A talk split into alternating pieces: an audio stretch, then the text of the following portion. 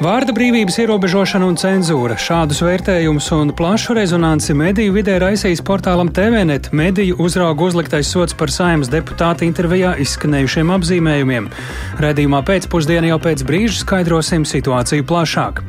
Ar militāro ekspertu un politologu spriedīsim, kas īsti notiek Krievijas Belgorodas apgabalā, kas robežojas ar Ukrainu. Tur savas aktivitātes izvērsušas bruņotas grupas, kas sevi dēvē par Krievu brīvprātīgo korpusu. Būtu vai nebūtu pasaules labāko astotniekā, tas šovakar izšķirsies Latvijas hokeja izlases spēlē pret Šveici. Mēs varam būt gatavi to, ko viņi darīs. Viņi nav diži mainījuši savu spēles stilu. Par izredzēm, komandas noskaņojumu un spēku samēriem arī par to plašāk to daļu ziņu raidījumā pēcpusdienā kopā ar mani Tāli Eipuru.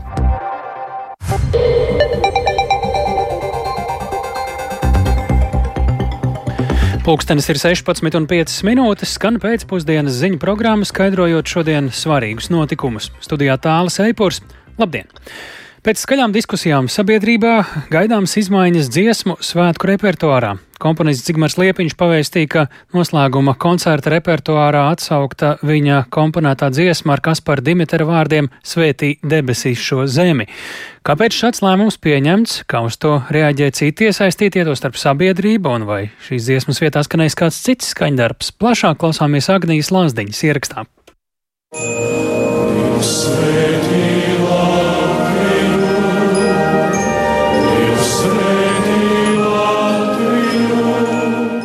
Šī dziesma dziesmu un deju svētku noslēguma koncertā kopā augšup netiks izpildīta. Dziesma svētī debesīs šo zemi šogad repertuārā iekļauta koru dalībnieku balsojuma rezultātā, kas bija pirms Krievijas iebrukuma Ukrainā 2022. gada 24. februārī. Lai gan savulaik tā ir bijusi koristu iecienīta dziesma, skatījums uz to tagad ir mainījies. Dziesmas atsevišķu daļu autors ir arī dziesminieks Kaspars Dimiters, kurš jau kādu laiku izrāda prokremlisku pozīciju, kas Zigmaram Liepiņam nav pieņemama. Komponists skaidroja, ka šī gada sākumā Dimitrs viņam bija sūtījis saiti uz savu dziesmu Krievu valodā, kas viņu nepatīkami pārsteigusi, jo tajā cildināta Krievija. Liepiņš Dimitram lūdzis, ko tādu viņam vairs nesūtīt. Tomēr, kā atzīst Liepiņš, lieta esot progresējusi, proti radītas arī citas līdzīgas dziesmas. Pamazām komponists nonāca pie slēdziena, ka pēc Dimitra aktivitātēm nav iespējams ar viņu atrasties uz vieniem skatuves dēļiem, jo dziesmu un deju svētkos ir pieņemts, ka pēc dziesmas izpildījuma izpildīšanas tiek izsaukts arī autors.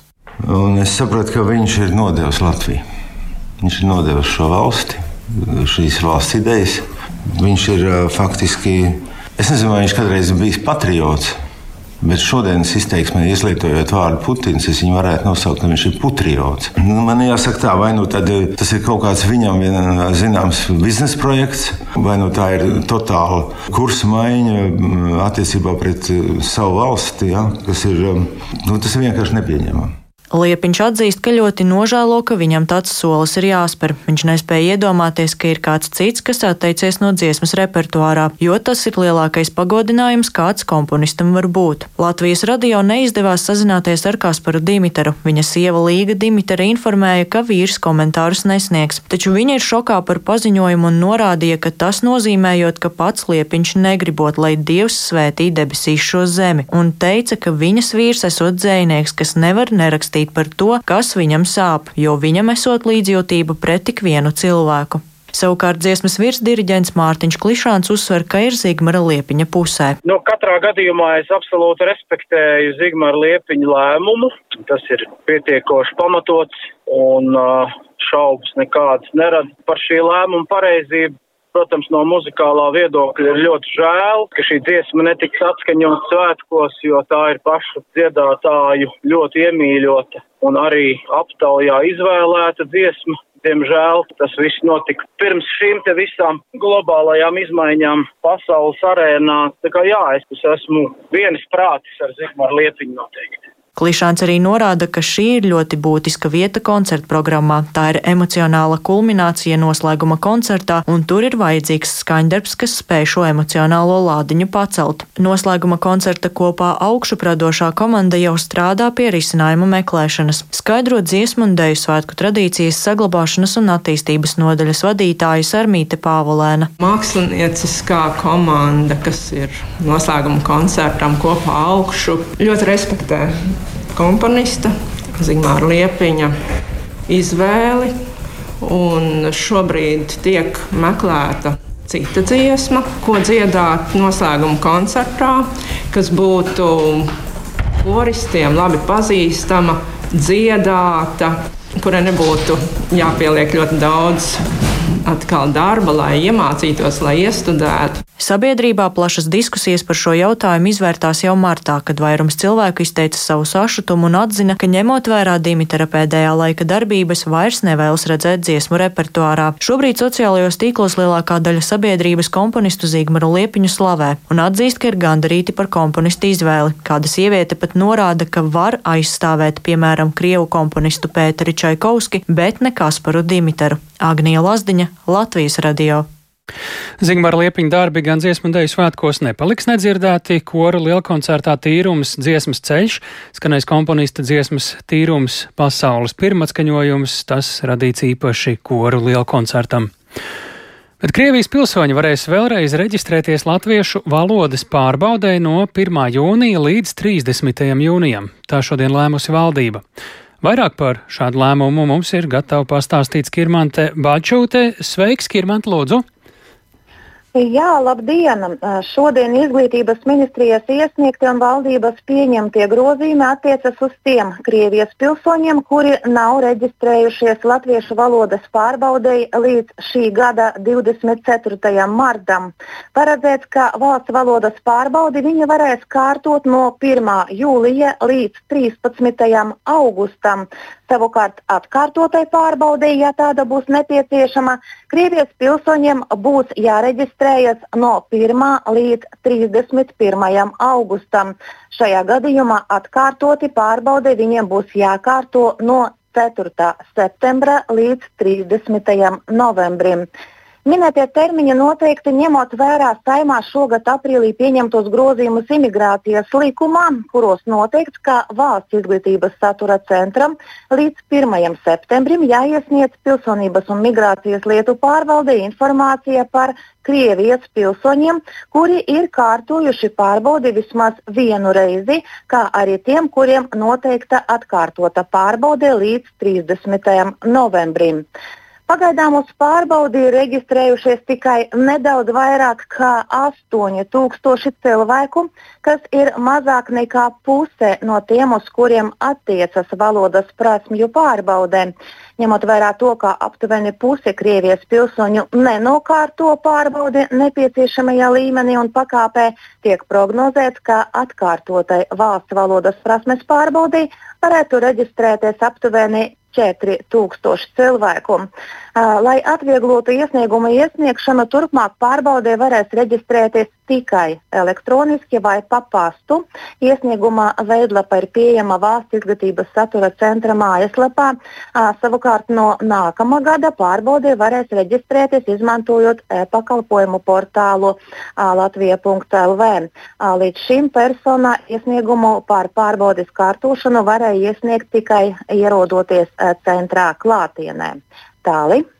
Paldies eh, Skirmantei Balčūtei. Tātad Krievijas pilsoņi varēs vēlreiz reģistrēties latviešu valodas pārbaudē no 1. jūnija līdz 30. jūnijam, bet šīs pārbaudas, šo pārbaudu stāsts ir satricinājis arī Latvijas mēdīju vidi. Par tiešraidē izskanējušu informāciju Nacionālā elektronisko plašsaziņas līdzekļu padome interneta ziņu portālam TVNet grupa piemērojusi 8,5 tūkstošu eiro lielu sodu. Mēdījā norāda, ka sots noteikts par to, ka ēterā e, raidījuma viesis pēc padomas domām nepareizi lietojas vārdu deportācija. Turpretīm padomi saka, ka tā nav patiesība. Tikmēr Mediju vidē padomas lēmumi jau apzīmē ar tādiem terminiem kā cenzūra un līdzīgi. Vairāk ir uh, gatavs stāstīt Viktors Demidovs. Nacionālā elektronisko plašsaziņas līdzekļu padome ir piemērojusi 8500 eiro administratīvo sodu interneta ziņu portālam TVNet grupa. Medija galvenais redaktors Toms Ostrovskis norāda, ka sots ir piemērots par 29. marta Krievu valodas raidījumā Ktovam plaķiet padomes ieskatā nepareizi pielietoto vārdu deportācija. Tajā raidījumā žurnālisti intervēja sājums deputātu Alekseju Roslikavu no partijas stabilitātei, kuru intervēja par viņa partijas deputāti Gloriju Grefcovu un pastāvīgām uzturēšanas atļaujām.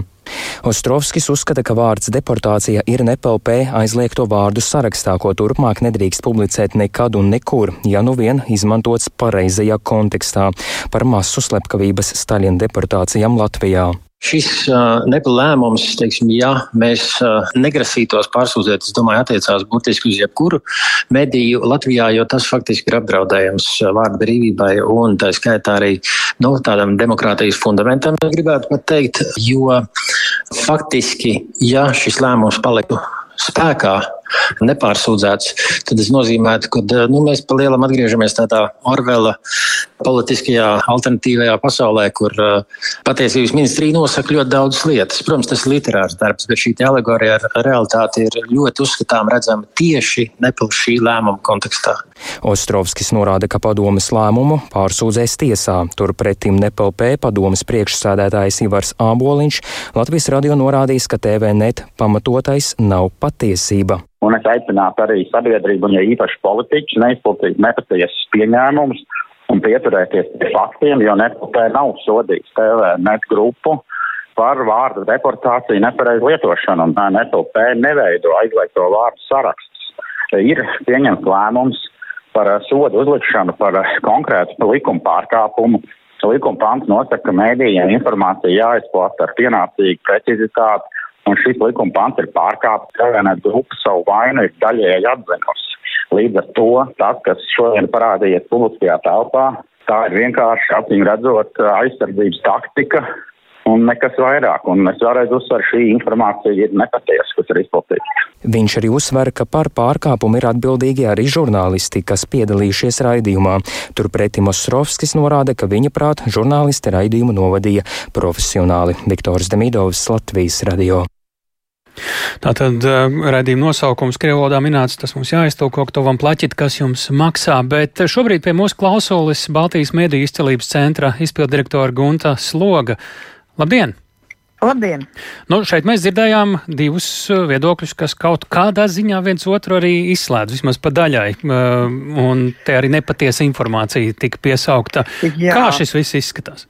Uh, nu, tas neizskatās labi, ja, ja runā īsi. Protams, protams ka šī, šī ir tāda mēdīju vidē ļoti slikta lieta, kas ir notikusi. Mēs tā īsti varam teikt, jo. Kurš no notikumiem protams, lēmums vai raidījums? Lēmums, lēmums, lēmums, lēmums konkrēti vēršoties pret viena politiķa intervijā. Es gribu uzsvērt, tas ir intervija, kas ir viedoklis. Tātad šī politiķa paustais viedoklis ir ticis analizēts. Nepals spriedums ir apmēram 29 lapspuses, un, un Āboliņa kungs saka, ka tas nav par deportācijām, bet, nu, piedodiet man, ja kāds apskatās šo spriedumu, ko es šodien izdarīju, ir daudz lapspušu, kurās ir analizēts, kas ir deportācija, ir lūks okupācijas muzeja un citu institūciju viedoklis, interpretēt, kas ir deportācija skaidrs, ka pēc tam ir pieņemts šis lēmums par šo konkrēto likuma pāntu, bet šis pāns ir atsaukšanās uz viena konkrēta vārda deportāciju lietošanu. Mm. Kas te ir tas nelabais?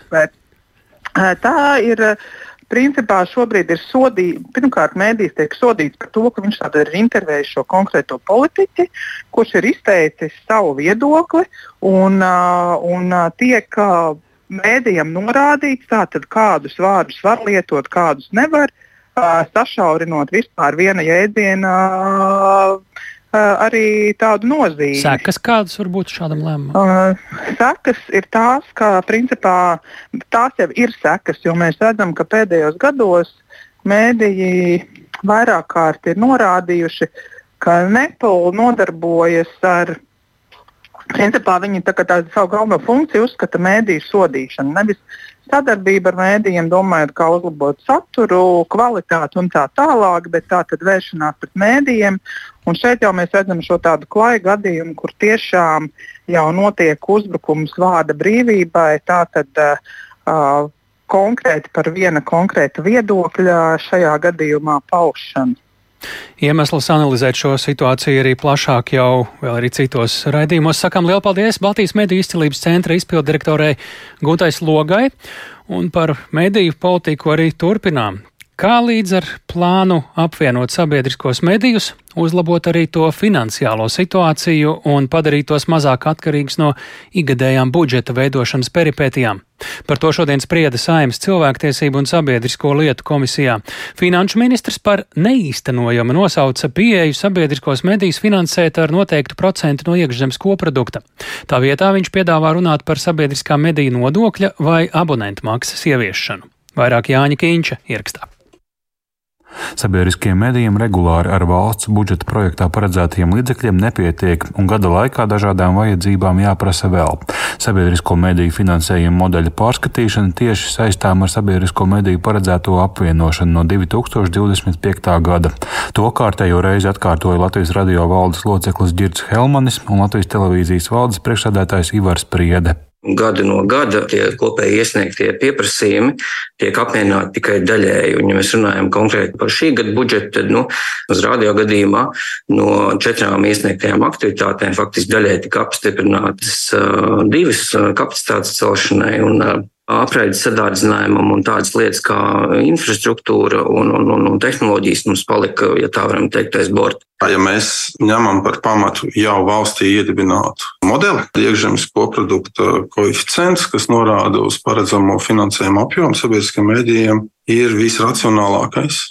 Darba grupās vērtēti četri scenāriji, kā uzlabot sabiedrisko mediju finansiālo situāciju. Viena versija noteikti to procentos no kopējiem valsts budžeta izdevumiem, otra ar daļu no iedzīvotāja ienākuma nodokļa vai akcijas nodokļu ieņēmumiem, līdzīgi kā finansē valsts kultūra kapitāla fondu vai sabiedriskos medijus. Lietuvā. Trešā iespēja - sabiedrisko mediju nodoklis vai abonentu maksa, bet ceturtā - konkrēts apjoms no iekšzemes koprodukta.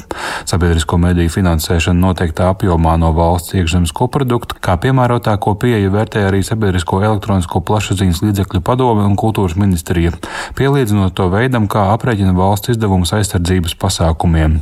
Padomas nolūks bija piecu gadu laikā sasniegt Eiropas Savienības valstu vidējo finansējumu līmeni sabiedriskiem medijiem, kas ir 0,16 10% no iekšzemes koprodukta. Turpina Sepulpa vadītājs Jānis Siksnis. Finanšu ministrija uzskata, ka šobrīd uh, ir prognozējams un stabils tas budžets.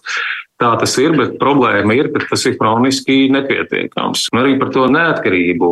Nu, šis ir no ABCs, tātad sabiedrisko mediju pārvaldībā, veids, kā budžets faktiski tiek apjoms tiek noteikts, ka tas ir neatkarīgs no ikgadējiem valdības lēmumiem. Un to arī Eiropas padomes rekomendācijas sabiedrisko mediju pārvaldībā, kas arī tiks iekļauts ziņojumā, ļoti skaidri pasaka. Un šobrīd tas tā nav.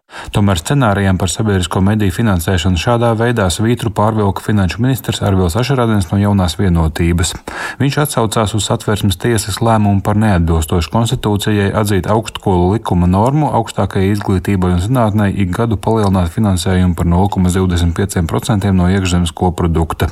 No tā secināms, ka likumdevējam saimai nav tiesību noteikt procentuālu apjomu no budžeta kādiem konkrētiem pasākumiem. Izņēmums ir izdevumi valsts aizsardzībai, ko paredz starptautiskas vienošanās. Tāpēc ministrs aicināja nesaistīt sabiedrisko mediju finansēšanu ar šādu metodiku, kādu nepiemēro arī citām valsts budžeta finansētām iestādēm. Tas nav jēdzīgi, to es gribu pateikt. Šodien pasaule ir ļoti dinamiska un mainīga, un tomēr ir jāpierāda savas vajadzības. Un attiecībā ar šo es gribu teikt, ka valstī ir neatkarīgās iestādes, satvērsmes tiesa, kurām mēs neesam noteikuši procentu, vai universitātes, kurām mēs neesam noteikuši procentu, vai, vai knāps, vai sāps, vai viens nav nācis teikt, ziniet, nosakiet procentu, tad mēs dzīvosim tālāk. Mēs izējām no tām vajadzībām, kādas tekošajā mirklī ir, un no tām iespējām, kādas ir valsts rīcībā. Mēs maksimāli cenšamies apmierināt to visu. Apzinoties vajadzību stabilizēt sabiedrisko mediju finansējumu, Ašerādens plāno uzdot nodokļu revīzijas grupai izvērtēt atsevišķu sabiedriskā mediju nodokļa vai abonentu maksas ieviešanas iespēju. Šī darba grupa pašlaik izstrādā iespējamās izmaiņas citos nodokļos turpmākajiem gadiem, un tai ar piedāvājumu būs jānāk klajā augusta beigās. Jānis Kincis, Latvijas radio.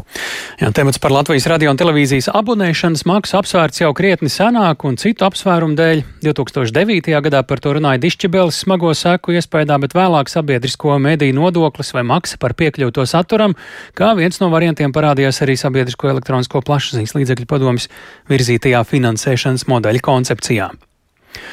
Krievijā Ukrainas pierobežā esošajā Belgorodas apgabalā vakar savas aktivitātes izvērsa bruņotas grupas, kas sevi dēvē par Krievu brīvprātīgo korpusu.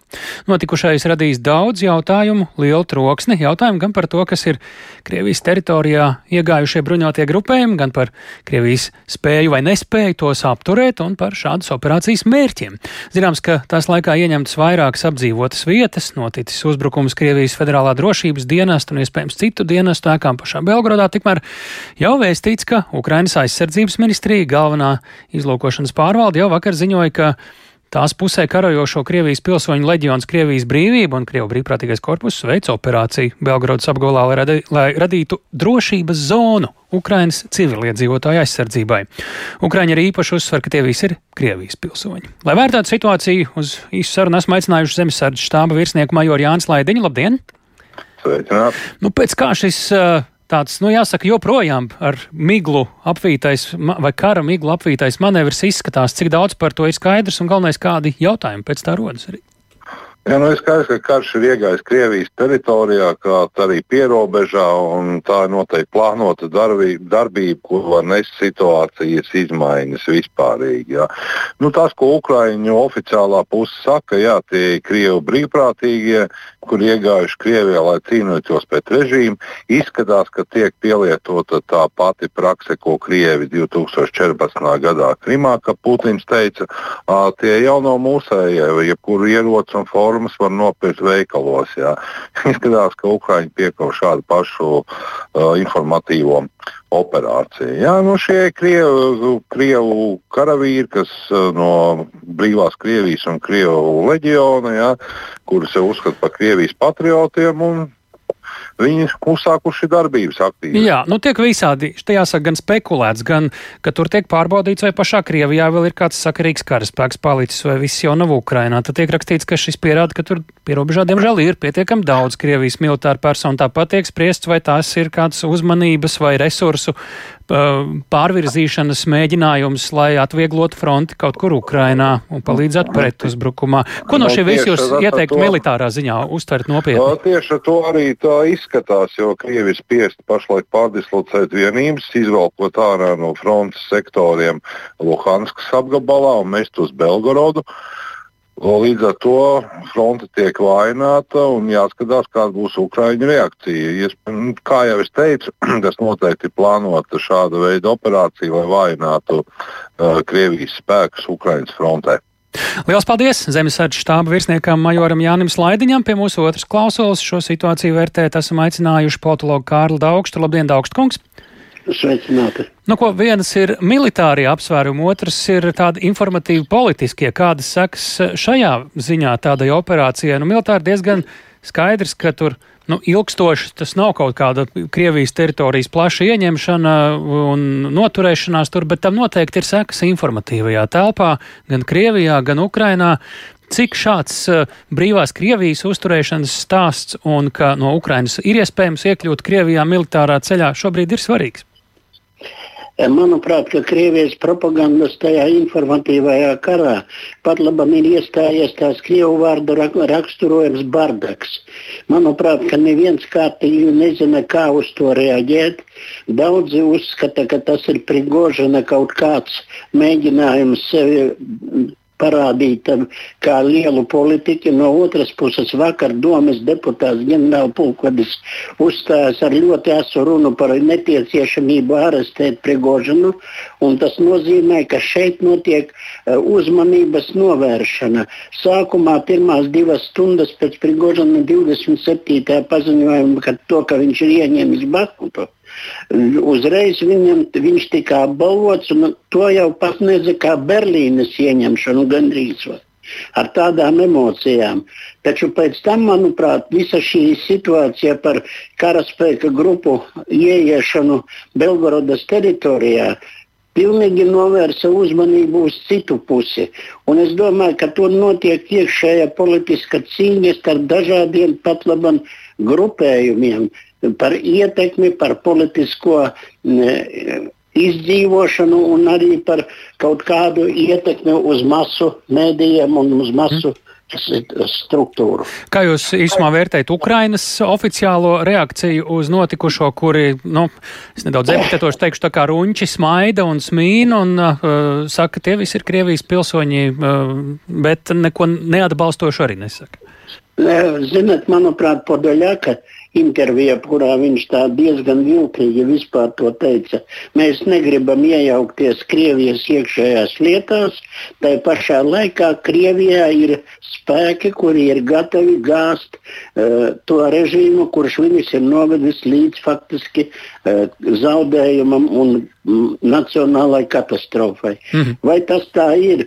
Manuprāt, tas ir pavisam signāls arī rietumiem, ka nebaidieties, mēs neuzbruksim neiesim tālāk bruņoties spēki Ukrainas, tālāk neiesim Krievijas teritorijā, ko Zelenskis ir apsolījis Baidenam par lidmašīnām F-16, taču tā visa ir arī vērsta uz ār, ārzemju grupējumiem, uz ārzemju ārvalstu grup, politiskajām grupām. Nu jā. Liels paldies Kārlim Daugstam, politologam. Mēs ejam tālāk par Ukrainu runājot. Turpmākais militārais atbalsts tieši par to arī spriedīsim. Ukrainai e, šis ir viens no centrālajiem jautājumiem šīs dienas Eiropas Savienības valstu aizsardzības ministru sanāksmē. Augstais pārstāvis ārlietās Žozefs Borels at, šodien atklāja, ka F-16 iznīcinātāju pilotu apmācības jau ir sākušās Polijā, savukārt Nīderlande, Dānija, Beļģija un Lielbritānija tam gatavojas. Vairāk ir gatavs mūsu Precīzāk jau pastāstīt mūsu Briseles korespondents Arčuns Konohaus ar viņu tiešraidē esam sazinājušies. Sveiks, Arčum! Sāksim tieši ar pieminētajām F-16 lidmašīnām. Kā zināms, ASV prezidents, kāda augstkungs teica, nesen piekrita ļaut sākt Ukrainas pilotu apmācības ar šiem iznīcinātājiem, ko tas nozīmē, kas sako tālāk?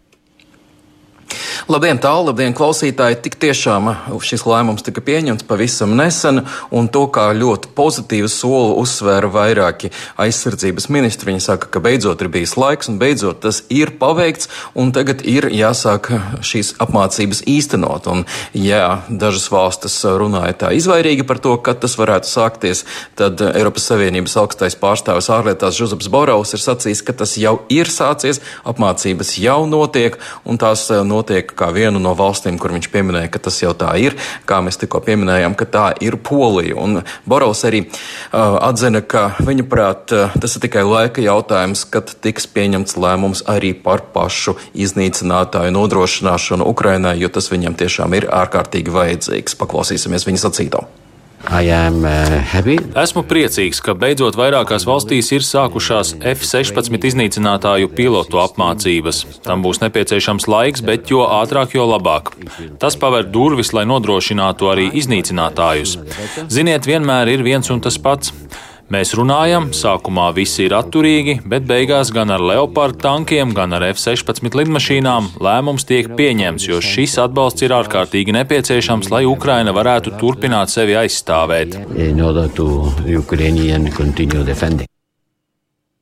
Viena no valstīm, kas varētu nodrošināt šīs lidmašīnas, ir Nīderlande. Tāpat arī tādas, tāda iznīcinātāja, piemēram, ir Beļģija, kur es pašlaik atrodos. Līdz ar to, protams, tās valstis arī ir tās, kas aktīvi akti, uzņemsies apmācības un tiek veidota, zinām, alianses starp Nīderlandi, Beļģiju, arī Dāniju un tostarp arī Lielbritāniju, kuriem nav F-16 lidmašīna, bet viņi arī tāpat pies, iesaistīties šajā iznīcinātāju koalīcijā, kā tas, kā to tagad mēdz dēvēt, un palīdzēs. Bet uh, Nīderlandes aizsardzības ministre Kaisa Olongrene vairāk kārt sacīja, ka šobrīd runa ir par pirmo soli un par nākamajiem soļiem runās vēlāk. Šobrīd runa ir tikai par pirmo soli. Paklausīsimies! Protams, ka tas ir pirmais solis. Vispirms ir vajadzīgi piloti, kas zina, kā lidot ar šādām lidmašīnām. Nākamais solis būtu runāt jau par pašām lidmašīnām, bet tas ir nākamais solis. Tagad mēs speram pirmo. Mēs turpināsim par to runāt ar mūsu sabiedrotajiem, ar valstīm, kam varētu būt F-16 lidmašīnas, bet šobrīd šis lēmums nav uz galda. Un, protams, te vēl īsi jāpiebilst, ka jautājums ir arī par visu infrastruktūru, kas ir nepieciešama, lai šādas lidmašīnas varētu izmantot rezerves detaļas, lidlauki un tam līdzīgi. Un arī tas ir diezgan sarežģīts jautājums. Tāli. Un vēl pavisam īsi jau vakar runājām, ka Ungārija iebilst pret jaunajām sankcijām pret Krieviju, gan pret atsevišķās militārās palīdzības sniegšanu arī Ukrainai jo nevēlas kara atbalstītājs rakstā redzēt savu OTP banku. Kas par šo zināms īsumā? Tik tiešām tas šobrīd ir publiski un arī um, ir izplatīts paziņojums no Ungārijas pavisam oficiāli, ka viņa atsakās atbalstīt nākamo palīdzības um, daļu Ukrainai, kamēr Ukraina nepiešķir, ne, neizņems OTP banku no saraksta ar starptautiskajiem kara atbalstītājiem, un viņš faktiski izmanto gan sankcijas, gan šo kā savu veto, lai panāktu no Kievas piekāpšanos, un daudzi politiķi, tostarp pieņemsim Vācijas ārlietu ministri, ir mudinājusi tomēr šos jautājumus atsaistīt un skatīties uz tiem atsevišķi un risināt domstarpības ar Kievu divpusējā ceļā un nevis kavēt visu Eiropas Savienību ar to tās palīdzību. Bet, nu, pagaidām ir šīs bloks ir, un nekas uz priekšu te nav pavirzījies. Paldies Arķim Konohovam tiešraidē no Briseles runājot eh, gan par militāro palīdzību Ukrainai, gan sankcijām pret Krieviju. Bet tepat Latvijā ir izlemts par risinājumu briestošajai ārkārtas situācijai ar vēlētāju elektronisko tiešsaistes reģistru pirms nākamgad paredzētajām Eiropas parlamenta vēlēšanām. Reģistra nodrošināšanu turpmāk uz laiku uzticēs pilsonības un migrācijas lietu pārvaldei.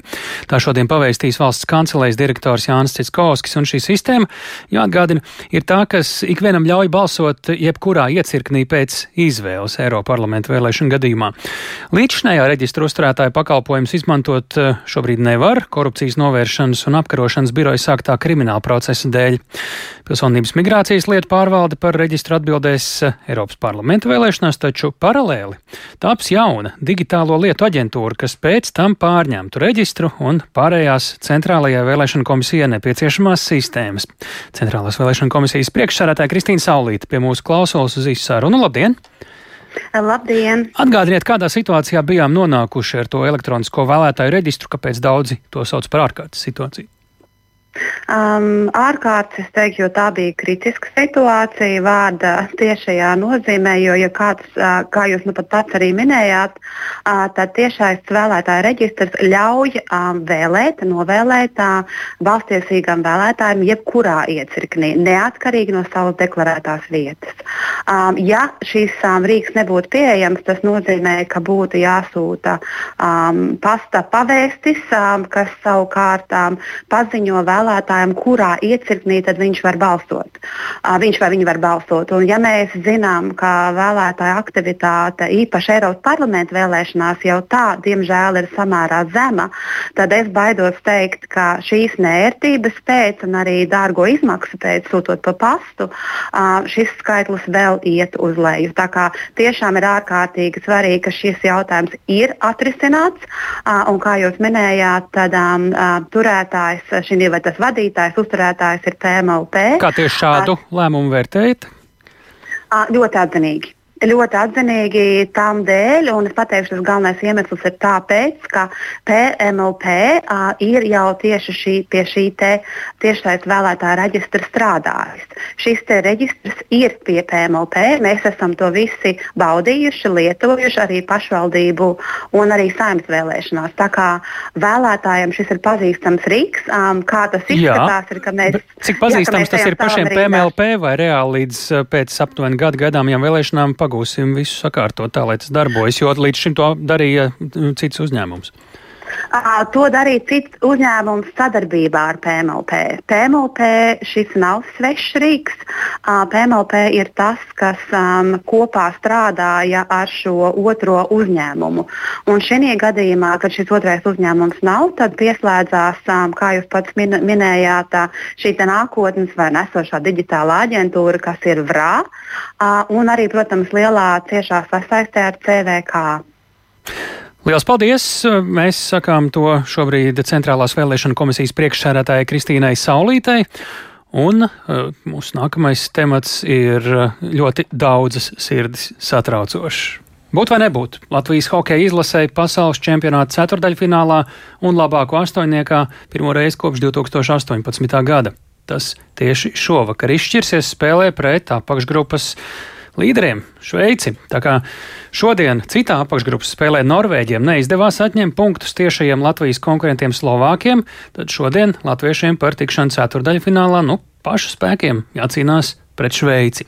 Lai vairāk runātu par šī vakara atbildīgo hokeja maču studijā, mums pievienojas kolēģis Mārtiņš Kļavinieks. Sveiks, Mārtiņ! Sveiks, tāls, sveicināt klausītājiem! Tad Latvijas izlasē ir nepieciešams spēlēt pret Šveici. Tur vajag to vienu punktu vai uh, divus punktus, uh, ar ko mums tur pietiek, ar ko nepietiek.